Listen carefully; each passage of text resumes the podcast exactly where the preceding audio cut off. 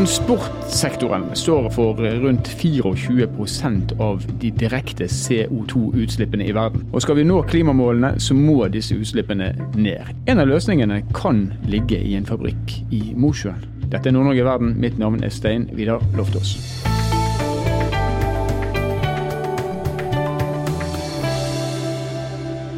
I 2019 så ble Norsk e-fuel etablert, og selskapet skal lage miljøvennlig drivstoff til fly primært. Og de bygger nå verdens første fullskala e-fuel-anlegg i Mosjøen i Vefsn kommune. Og nå har vi med oss eh, Ida Larsen, som er sjef for forskning, utvikling og finansiering i nettopp Norsk e-fuel. Og hjertelig velkommen til Nord-Norge i verden, Ida. Jo, tusen takk for det. Veldig hyggelig å bli invitert. Du, E-fuel er jo sikkert ganske nytt for veldig mange, så hvis vi starter helt, eh, helt på, på, basis, kan du gi en kort beskrivelse av hva e-fuel er for noe? Ja, eh, det kan jeg gjøre. Eh, e-fuel er jo egentlig veldig, veldig kort forklart drivstoff som er fremstilt ved hjelp av elektrisitet. Så enkelt er det. ja, Og bestanddelene i drivstoffet? Ja, I vårt tilfelle så blir jo e-fuel fremstilt ved hjelp av CO2, strøm og vann. Da ender du opp med noe som til forveksling kunne vært eh, hydrokarboner, altså bensin eller, eller, diesel? Ja, det er akkurat det de gjør. Eh, det er jo det samme som du finner i egentlig vanlige fossile alternativer i dag. Det er bare det at vi har fremstilt det på en litt annen måte. Ja. Så man lager bensin. Hva, hva er fordelen da med e-fuel kontra det å pumpe opp olje og, og produsere bensin på gamlemåten? Altså, den store fordelen er jo at uh, du har jo ingen utslipp uh, ved hjelp av uh, e-fuel, sånn som vi planlegger å produsere det. det. det. er fornybart, det er grønt, og du tilfører ingen ny CO2 til atmosfæren. Og på den måten så er det jo da en klimaløsning i dagens luftfart, f.eks. Men når du, når du, brenner, for det er jo et hydrokarbon, når du brenner det, frigjør ikke du CO2-en på samme måten som når du forbrenner bensin? Jo, det gjør du. Når du forbrenner eh, e-fuelen i en forbrenningsmotor, eh, så vil du jo få et CO2-utslipp. Men nøkkelen her ligger jo litt i hvilken type CO2 du bruker i selve produksjonen. Eh, så for, prøv å ikke bli for teknisk. Men sånn som oss, vi planlegger å bruke noe som kalles for biogent CO2, eller CO2 fra direktefangst fra luft gjennom noe som kalles direct air capture. Og når du bruker biogent CO2, eller CO2 fra direct air capture, eh, så bruker du CO2 som fins eh, naturlig i karbonkretsløpet vi har i dag. Eh, og på den måten så tilfører du da ingen ny CO2 i atmosfæren, rett og slett. Rett og slett. Det du, det du bruker, det fanger du først, og så mm. kan du gjøre det på nytt og på nytt. og på nytt. Ja. Det, høres utrolig, det høres utrolig avansert ut. Men eh, la oss gå til drifts... Eh, eller områdene dette kan brukes til. For mm. det, dere har sikta dere inn mot fly spesielt. Ja det har vi. Ja, og så vet vi jo at parallelt med det så planlegges det jo for elektriske fly. Mm. Risikerer dere å, å, lage noe som kommer til å gå av moten før, før det har blitt tatt i bruk? Nei, overhodet ikke. Eh, elektriske fly eh, det er jo et alternativ som kommer til å bli veldig viktig i fremtiden. Eh, men så er det jo også sånn at sikkerheten er jo det viktigste i luftfarten. Mm. Mange av de elektriske flyene man ser på i dag, er veldig, veldig små. Vi snakker to, fire, åtte seters fly, og vil på mange måter ikke egne seg i den tradisjonelle kommersielle luftfarten som vi har i dag. Eh, og spesielt for langdistansefly og cargofly så finnes det ingen alternativer. Eh, det er ikke mulig å elektrifisere dem. Eh, hvis du skal fly en elektrisk 737, så må du ha en tre-fire fly som følger etter bak og lader den kontinuerlig. Og, det er jo ikke, ikke, mulig i dag. Eh, hydrogen er også noe som mange snakker om, eh, og veldig vanskelig også fordi at eh, hydrogentanker tar mye plass. Om antakeligvis så vil det ta mange tiår eh, før man kommer dit at man har andre løsninger tilgjengelig, eh, spesielt for de litt større flyene. Så e-fuelen den er på en måte, den tar akkurat den samme plassen som ja. vanlig flybensin gjør i dag? Det er, jo, det er jo egentlig det samme, bare at det er framstilt annerledes. Ja. Og rekkeviddeangst det vil man ikke ha når man skal fly over Atlanterhavet? Det, Nei. det kan man forstå. det trenger du ikke å bekymre deg for. Men nå, nå, planlegger dere, eller er vel allerede i gang med å lage et, et produksjonsanlegg i Mosjøen. Hvorfor Mosjøen? Ja, Mosjøen. Det er jo veldig mange fortrinn i Mosjøen. Eh, det som kanskje de fleste er klar over, er jo at eh, det er et kraftoverskudd, og det er veldig konkurransedyktige priser i Mosjøen. i forhold til, til krafta. Eh, og så har du en del innestengt kraft som ikke blir brukt. Og det ønsker jo vi da å, å si, omdanne til en energibærer som vi kan transportere til andre steder. Men så er det sånn at Mosjøen har en etablert industri. Det er mye industrikompetanse, og det er en industrikultur der allerede. Bl.a. blant annet for at Alcoa har jo operert der siden 1950-tallet. Og det å komme til et område hvor du allerede har en etablert industrikultur, eh, det er noe som tar veldig lang tid å bygge opp, eh, og det er viktig for oss eh, når vi nå skal i gang med å bygge ny industri, at vi har god kompetanse i miljøet vi er i. Og så kan jeg også nevne det at det er et nett av underleverandører også som har mye kompetanse. Og så er det veldig god logistikk. Det er et logistikknutepunkt. Sånn at vi har dypvannskai, og vi har eh, industriterminal i forhold til togtransport og den type ting like ved siten vår i Mosjøen. Og alle de tingene her sammen gjør jo at Mosjøen er egentlig et ideelt sted for oss å etablere oss. Ja. Og så er kraftprisene det er kraftkrevende å produsere e-fuel, og mm. kraftprisene er lave i Nord-Norge. Og du peker selv på innestengt kraft. Men mm. samtidig så er jo det en del varsler i Nord-Norge nå om at man ikke vil ha, et overskudds, eh, ha overskuddskraft i så veldig mange år til, og kanskje ende opp mm. med et, eh, med et, et negativt regnestykke der. Ja. Hva vil det eventuelt ha å bety for dere? Ja, det er jo klart at Vi følger jo nøye med eh, på både de fremskrivningene som kommer eh, fra fagmiljøene, eh, og håper å si, den utviklinga man forventer på, i kraftbransjen framover. Mm.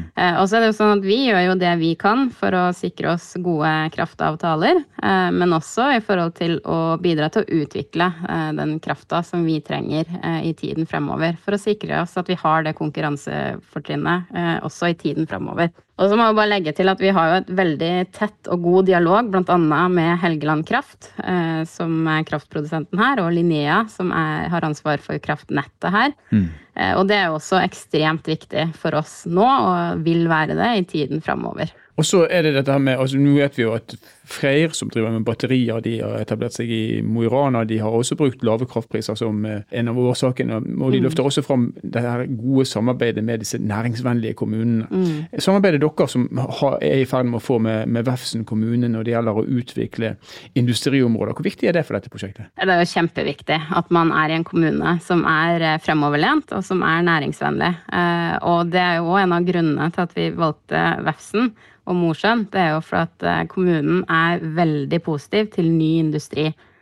Eh, og så jobber de veldig mye med samarbeid på tvers av de industrietableringene som skal være i regionen. Passe på at man får synergier på tvers av industriaktørene. Og så prøver de å ivareta et sånt helhetsbilde for den utviklinga som er i kommunen. Eh, og det her er også faktorer som er veldig viktige for at vi skal lykkes med vår satsing. Det er kanskje tidlig å begynne å spørre om eh, utvidelsesplaner når dere knapt er i gang med å bygge, men mm. ser du for deg at det, det kan bli en enda større satsing på Mosjøen i tiden som kommer? Ja, det tror jeg absolutt. Eh, vi har jo sikra oss eh, opsjonsavtale litt lenger nord i kommunen nå. Eh, på Nyland øst, så heter det. Men det er jo noe som er mye lenger fram i tid, da. Men så er det sånn at vi jobber jo med en portefølje på tre prosjekter i dag. Det første skal være i Mosjøen med en produksjonskapasitet på 50 millioner liter. Men vi har jo et lite hårete mål om at vi skal oppnå 250 millioner liter produksjon innen 2030. Gjennom de tre prosjektene vi har i pipelinen vår. da. Mm. Og det, det, er vanskelig å få et forhold til hva det betyr i forhold til det totale markedet. Men kanskje du kan si noe om hvem er det som er konkurrentene deres? Og er det tilsvarende planer på produksjon av e-fuel andre plasser i verden? Ja, det er det. Markedet er jo, syns jeg spesielt er veldig spennende, da. Og da tror jeg kanskje jeg skal starte litt på toppen i forhold til hvordan det kommer til å utvikle seg framover. Nå er det sånn at EU eh, de utvikler jo en del direktiver og lover som påvirker oss eh, her i Norge. Eh, og de har bl.a. utvikla noe som heter fornybardirektivet, som er veldig viktig for oss. Den sier noe om hvordan man kan produsere bærekraftig flydrivstoff på en bærekraftig måte. Hvilke innsatsfaktorer som er bra og godkjent, krav til fornybarandel i strømnettet og den type ting. Eh, og sammen med det her fornybardirektivet så har de også utvikla noe som kalles Refuel EU Aviation. Det som er spennende med akkurat dette direktivet, det er at de setter nå det som kalles eh, si blending mandates på, på, engelsk, eller krav på norsk, da, til hvor mye bærekraftig flydrivstoff som den internasjonale luftfarten skal bruke i årene framover. Så fra og med 2025 så skal minimum 2% av all jetfuel som eh, luftfartsindustrien forbruker i årene framover, være bærekraftig flydrivstoff. Og de kravene her de vil bare øke. I 2030 så skal minimum 6% av all jetfuel vi bruker i luftfarten, være bærekraftig flydrivstoff. Men det som er ekstra interessant, er at 1,2% av det her skal være e-fuel. Så markedet har på en måte en sånn kontrollert utvikling eh, gjennom de direktivene og lovene som EU eh, etablerer da, eh, framover. Og det er veldig forutsigbart for oss. Det er veldig forutsigbart for luftfarten. Og det gjør at vi kan utvikle denne type prosjekter. Og når man ser det her da, opp mot konkurrenter, så er det sånn at hvis man tenker på hvor mye jetfuel luftfarten bruker internasjonalt, så er det ganske store mengder. Og i dag så er det sånn at med de planlagte prosjektene i Europa, så vil vi fremdeles ikke klare å svare ut det internasjonale behovet for bærekraftig flydrivstoff. Så markedet er i kraftig utvikling, og vi er egentlig veldig godt posisjonert da, for å ta en del av det markedet. Ja, det høres eh, spennende ut. men Ikke for å på en måte eh, snu det til noe negativt, men vi diskuterte batteriproduksjonen og Freyr sine planer, så kom jo den her Inflation Reduction Act-pakken mm. i USA, så plutselig gjorde det attraktivt å, å produsere det der. Mm. Ser dere For disse her reguleringene, vil jo, alle vil jo treffes av de. Ser dere at det, noe sånt kan være en trussel mot satsingen, eller tenker du at det, eh, vil være plass til alle, gitt det store behovet det vil være? Ja, jeg tror nok det vil være plass til alle. Eh, og for oss så ønsker vi å være i Norge og i Norden, eh, og vi satser på Europa. Eh, sånn at eh, vi har jo ingen planer om å, flytte alt sammen over til USA, da. Eh, vi ønsker å skape verdiskaping i Norge, rett og slett. Og også for at vi har tro på å bygge opp de verdikjedene her. Og at vi har egentlig et konkurransefortrinn i forhold til å ha bærekraft på en måte gjennom hele verdikjeden. På en måte som kanskje ikke så lett lar seg kopiere andre steder. Det tror vi du har helt rett i. Mm. Nord-Norge er et mekka i så måte. Hvem er kundene deres? Altså, det er jo åpenbart flyselskapene. og Vi, ser, vi leser at Norwegian har, eh, har på en måte kobla seg på dere. Mm. Har dere avtaler med, med flyselskap på plass allerede? Ja, vi har jo inngått et strategisk partnerskap med Norwegian. Eh, de kommer jo til å gå inn på eiersida i selskapet vårt, og de kommer også til å kjøpe en andel av vårt produkt. Eh, og i forhold til eh, kunder, da, så opplever vi at det er veldig mange interessenter. I luftfartsbransjen nå så tror jeg kanskje det, det handler litt om å sikre seg de her andelene av bærekraftig flydrivstoff før de her kravene fra EU trer i kraft. Sånn at eh, vi opplever veldig mye interesse fra ulike luftfartsaktører. Og så har jo Norwegian nå vært eh, tidlig ute med å sikre seg eh, andeler fra vår produksjon. Store planer i Mosjøen. Kan du si mm. noe om hva dette her eh, koster å etablere seg på den måten dere gjør? Ja, det er klart at vi har jo det hårete målet om å være veldig tidlig ute og et av de første anleggene i verden.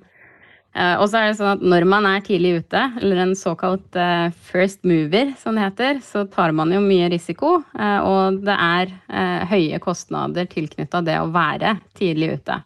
Og vi forventer jo at de her kostnadene vil jo gå ned etter hvert som teknologien og at det her blir mer kommersialisert. Men i første omgang så vil fabrikken vår i Mosjøen ha en investering på om lag 3,6 milliarder mye penger. Vi er glad for all satsing som skjer i Nord-Norge. Og og så har vi jo, Nord-Norge har mange fortrinn, og så har vi noen ulemper.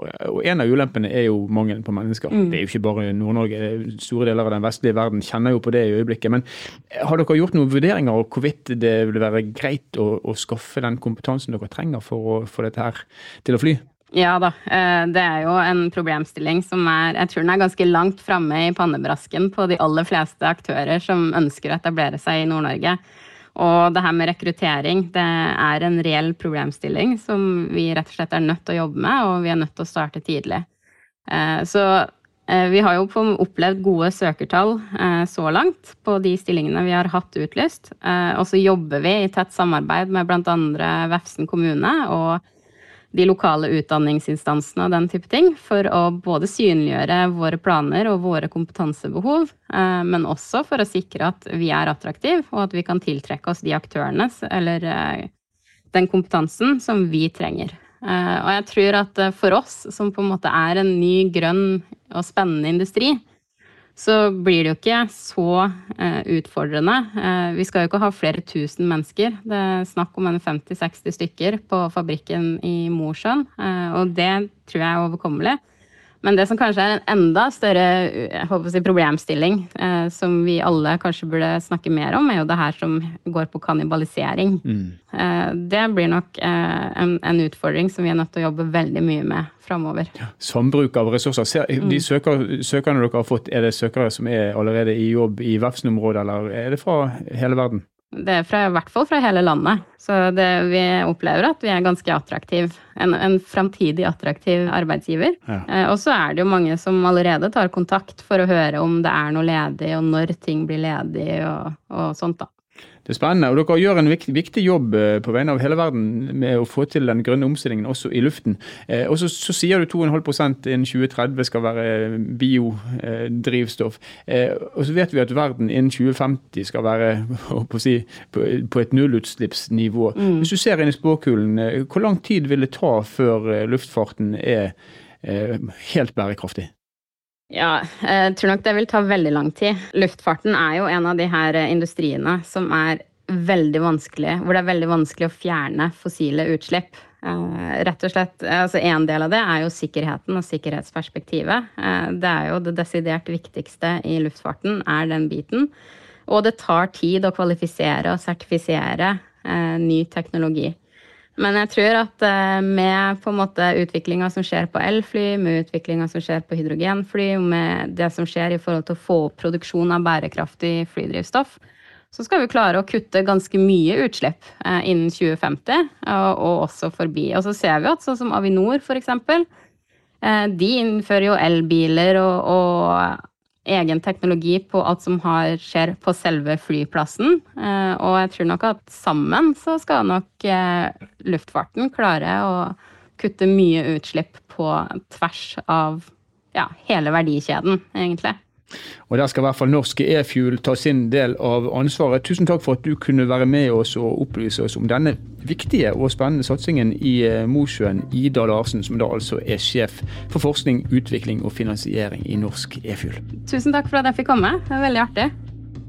Så E-fuel det er altså eh, til forveksling det samme som bensin eller diesel eller andre hydrokarboner. Forskjellen ligger i at istedenfor å pumpe det opp fra et sted langt under bakken og så prosessere det, så bruker man altså de enkelte bestanddelene i hydrokarbonene, som da er CO2 og hydrogen, kort fortalt. Så ved hjelp av elektrisitet og vann så produserer man hydrogenet, og så setter man dette her sammen med med CO2 som allerede er ute i naturen, altså, altså i CO2-kretsløpet som Ida beskrev det. Så man gjenbruker CO2-en på nytt og på nytt og på nytt ved hjelp av å tilføre hydrogen, som man da skaper av strøm. Og så er det spennende da å eh, høre at eh, på samme måte som batteriproduksjonen i Mo i Rana, så legger man denne produksjonen til Nord-Norge, til, til, Mosjøen. I Mosjøen har man eh, overskudd av kraft, man har gode logistikkruter inn og ut av, av området. Og man har en næringsvennlig kommune. I sum så det, er dette noe som ligger til grunn for at det faktisk er regningssvarende å satse, og satse stort, sånn som eh, norsk e-fuel gjør. Det blir spennende å følge denne her utviklingen her. Noe må gjøres med utslippene fra flybransjen, og det har vi kanskje løsningen på her. Nord-Norge Verden er en podkastserie som er produsert av eh, Sparebank1 Nord-Norge, og helt digital. Musikken du har hørt er laget av Emil Karlsen. Mitt navn er Stein Vidar Loftaas. Vi høres igjen i neste episode.